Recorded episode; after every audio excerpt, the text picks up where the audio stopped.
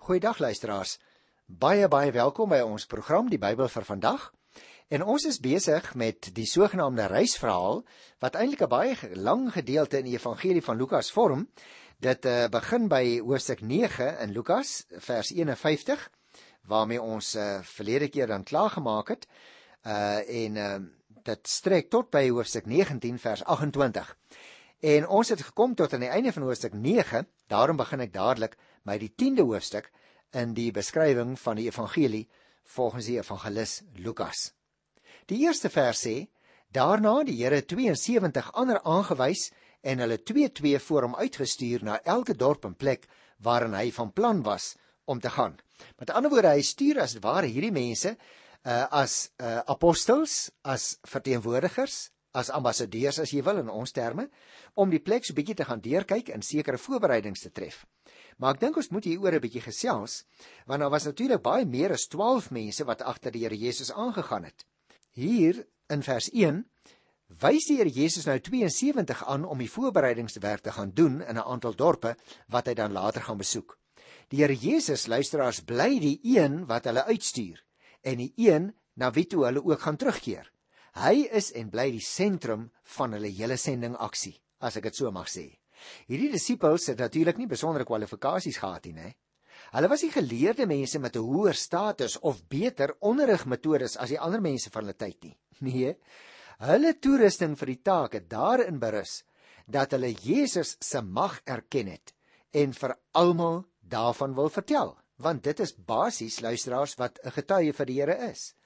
Dit is dus belangrik om jou talente tot voordeel van God se koninkryk te gebruik.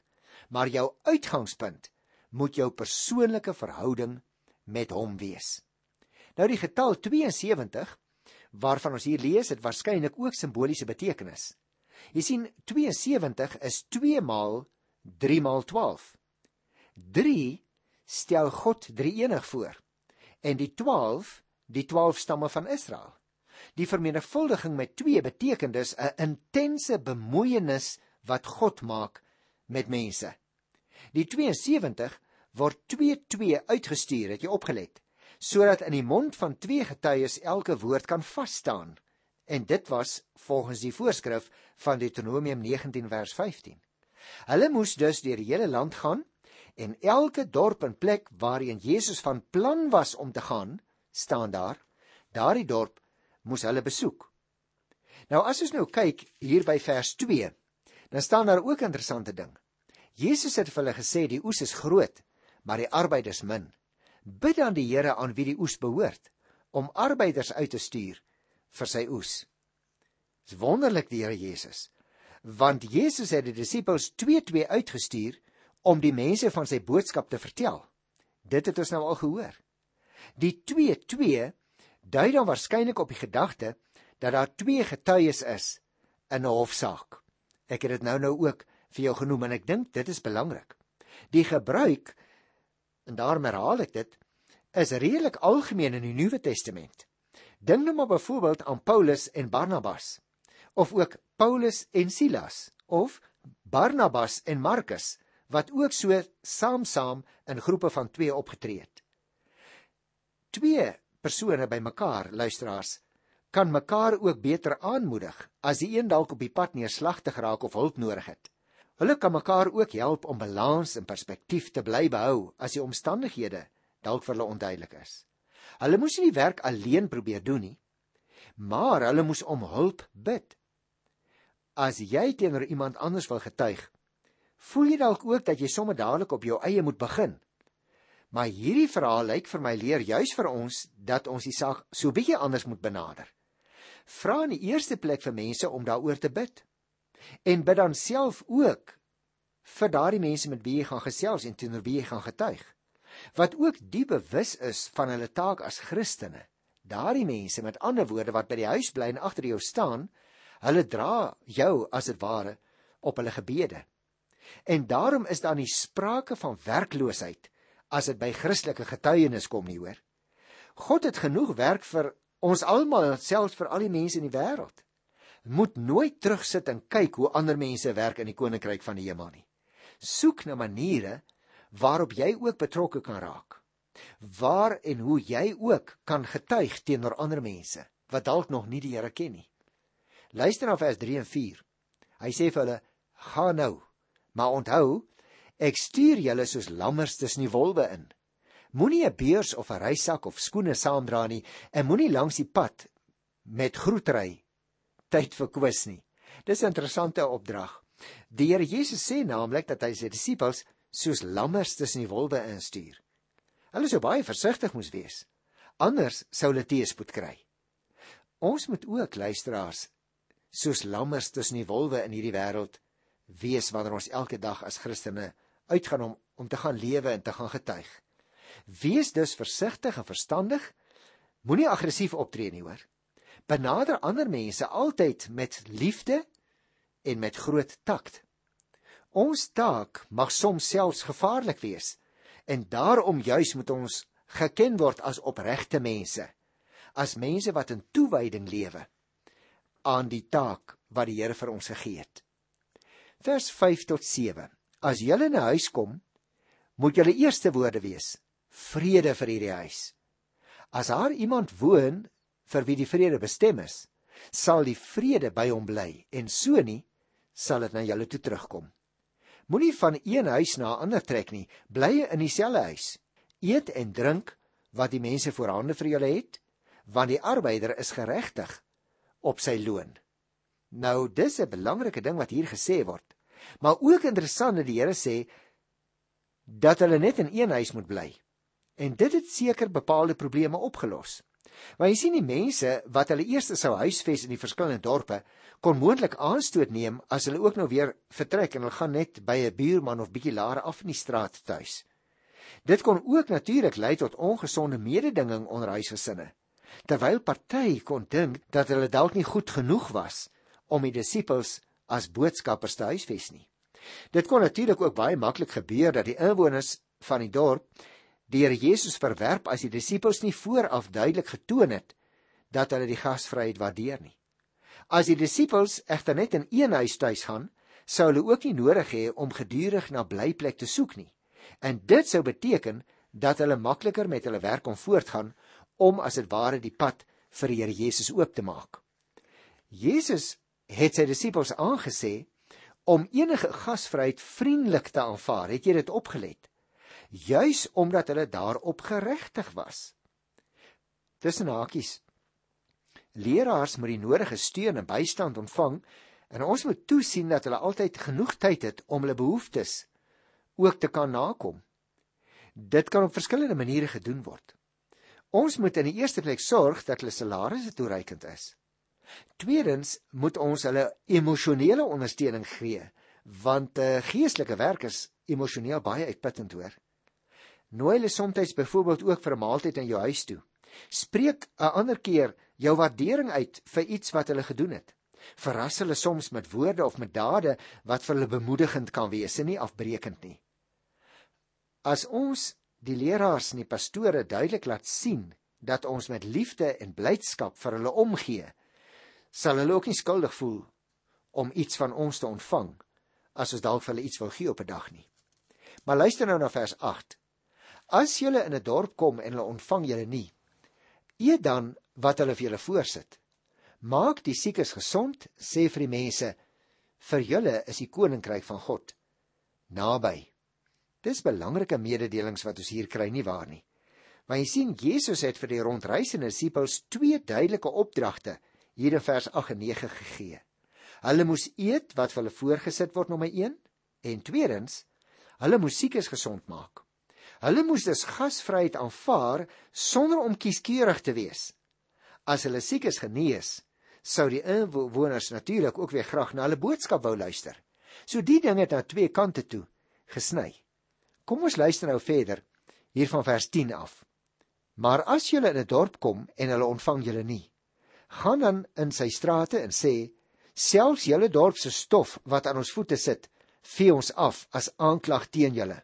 Maar dit moet julle weet, die koninkryk van God is naby. Ek sê vir julle, Vir die mense van Sodom sal dit die dag draagliker wees as vir daardie dorp. Elende wag vir jou Gorasin. Elende wag vir jou Betsaida. As in Tyrus en Sidon die wonderwerke plase vind het wat die hele plase vind het, sou hulle lank al in sak en as gesit het en hulle bekeer het.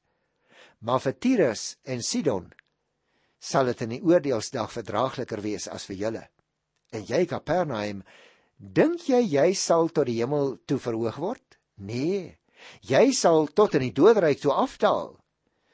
Wie na julle luister, luister na my. Wie vir julle verwerp, verwerp my. En wie my verwerp, verwerp hom wat my gestuur het. Luisteraars, is belangrike woorde wat hier staan. Dit gryp mense eintlik in die hart nie waar nie. As die inwoners van 'n dorp, so lees ons, sou weier om die disippels te ontvang, moes hulle in die strate van daardie dorp die stof van hulle voete afvee as teken dat hulle alle gemeenskap met daardie dorp verbreek het. Desondanks moes daardie dorp ook weet dat die koninkryk van God naby is. En daarom moet 'n mens miskien net 'n gedagte hou Sodom was 'n slegte stad uit die ou geskiedenis. Onthou jy daar uit Genesis? Wat juis as gevolg van die sonde en die boosheid van sy inwoners deur God vernietig is. Gaan lees maar die verhale Genesis 19. Die naam Sodom word nou dikwels as 'n simbool van boosheid gebruik. Oor Sodom is 'n geweldige oordeel uitgespreek. Maar hierdie drie stede wat die boodskap van Jesus verwerp het, sal nog swaarder getref word so sê ons heiland. Jy sien, die vernietiging van Tyrus en Sidon wat nou ook hier genoem word en wat daar op die noordwestelike oewer van Palestina lê, word gesien as 'n straf van die Here vir die ek herhaal, word gesien as 'n straf van die Here vir die geweldige sondes van hulle inwoners. En nou kom ons by die 15de vers wat ons gelees het wat gesê het jy Kapernaum Dink jy jy sal tot die hemel toe verhoog word? Nou hoekom sou die Here die vraag vra?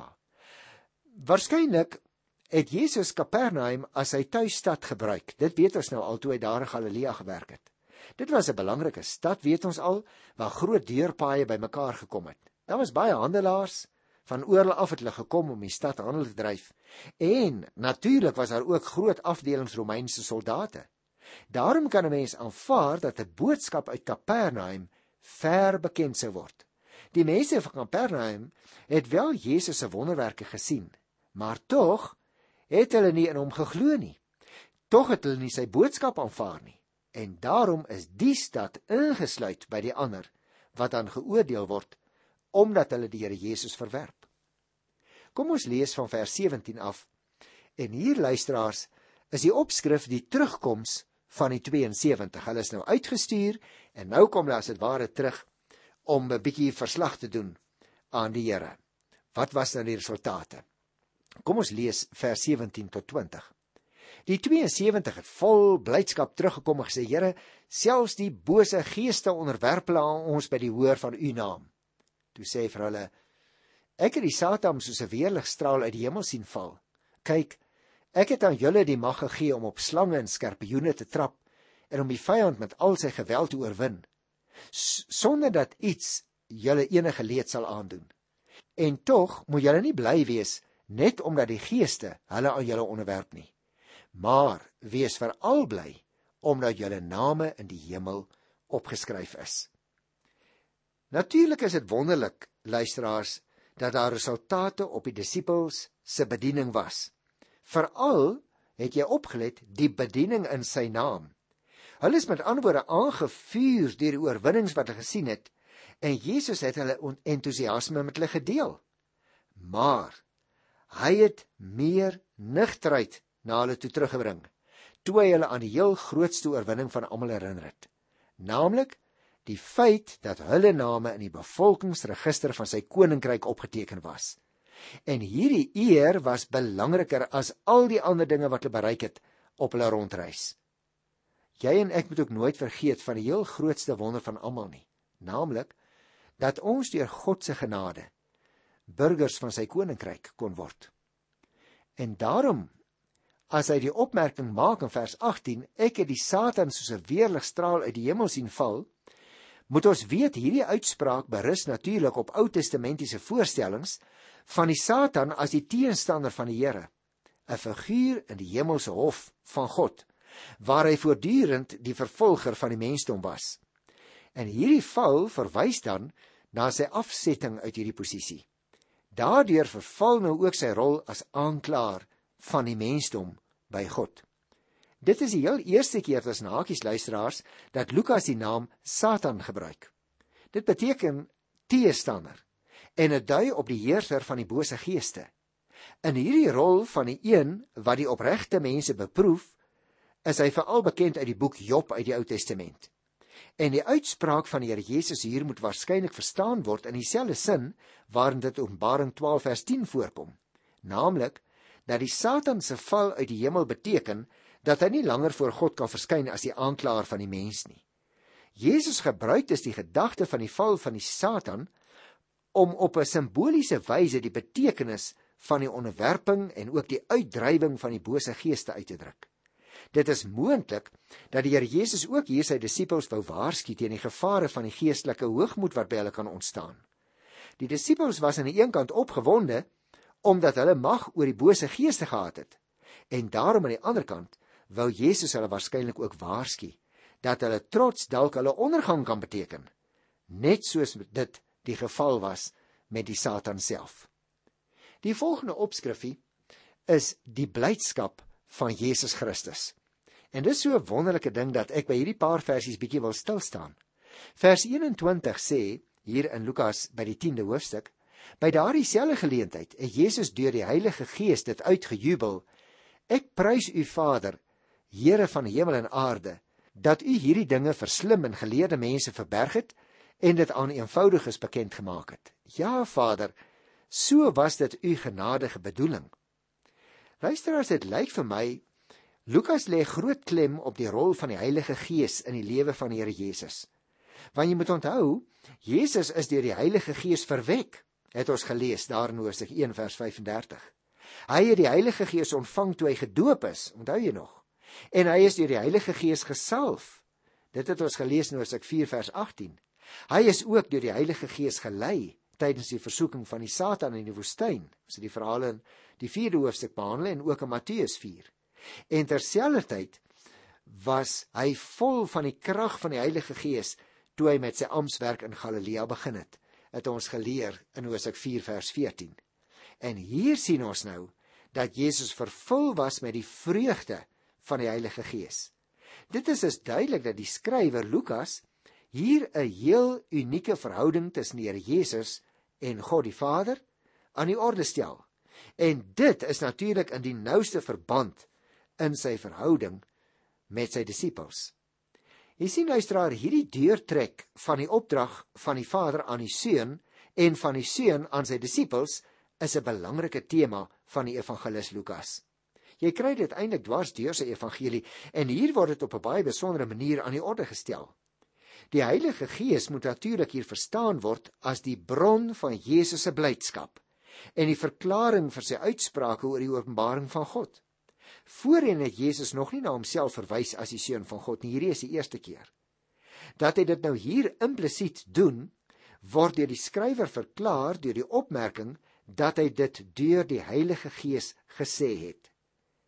Jesus se verhouding met die Heilige Gees is die voorbeeld wat elke Christen moet navolg. Dat ons juis in die krag van die Gees sal lewe elke dag. Ons moet ook met die Heilige Gees vervul wees en in sy vreugde en in sy krag lewe. Ons gaan nog weer daarby kom as ons by die boek Efesiërs en Galasiërs kom.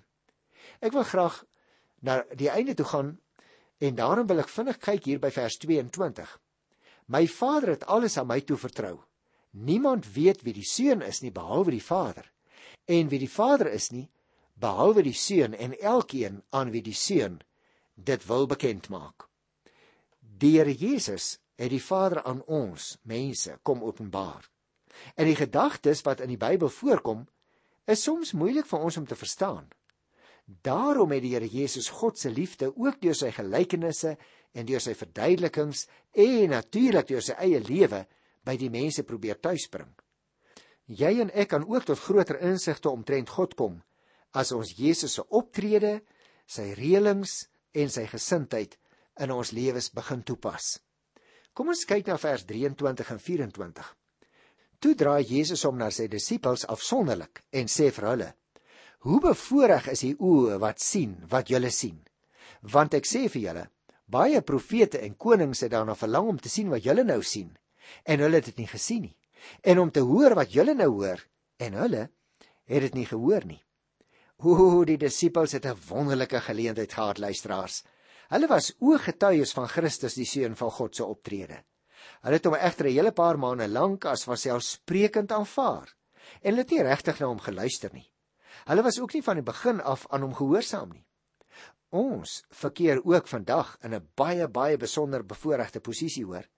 Aangesien ons 2000 jaar van die kerkgeskiedenis en van die Bybel in ons eie taal en uitstekende predikers en Bybeluitleggers tot ons beskikking het.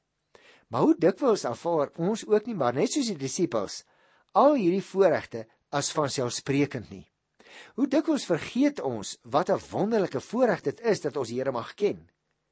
Onthou altyd luisteraars dat voorreg en verantwoordelikheid hand aan hand loop.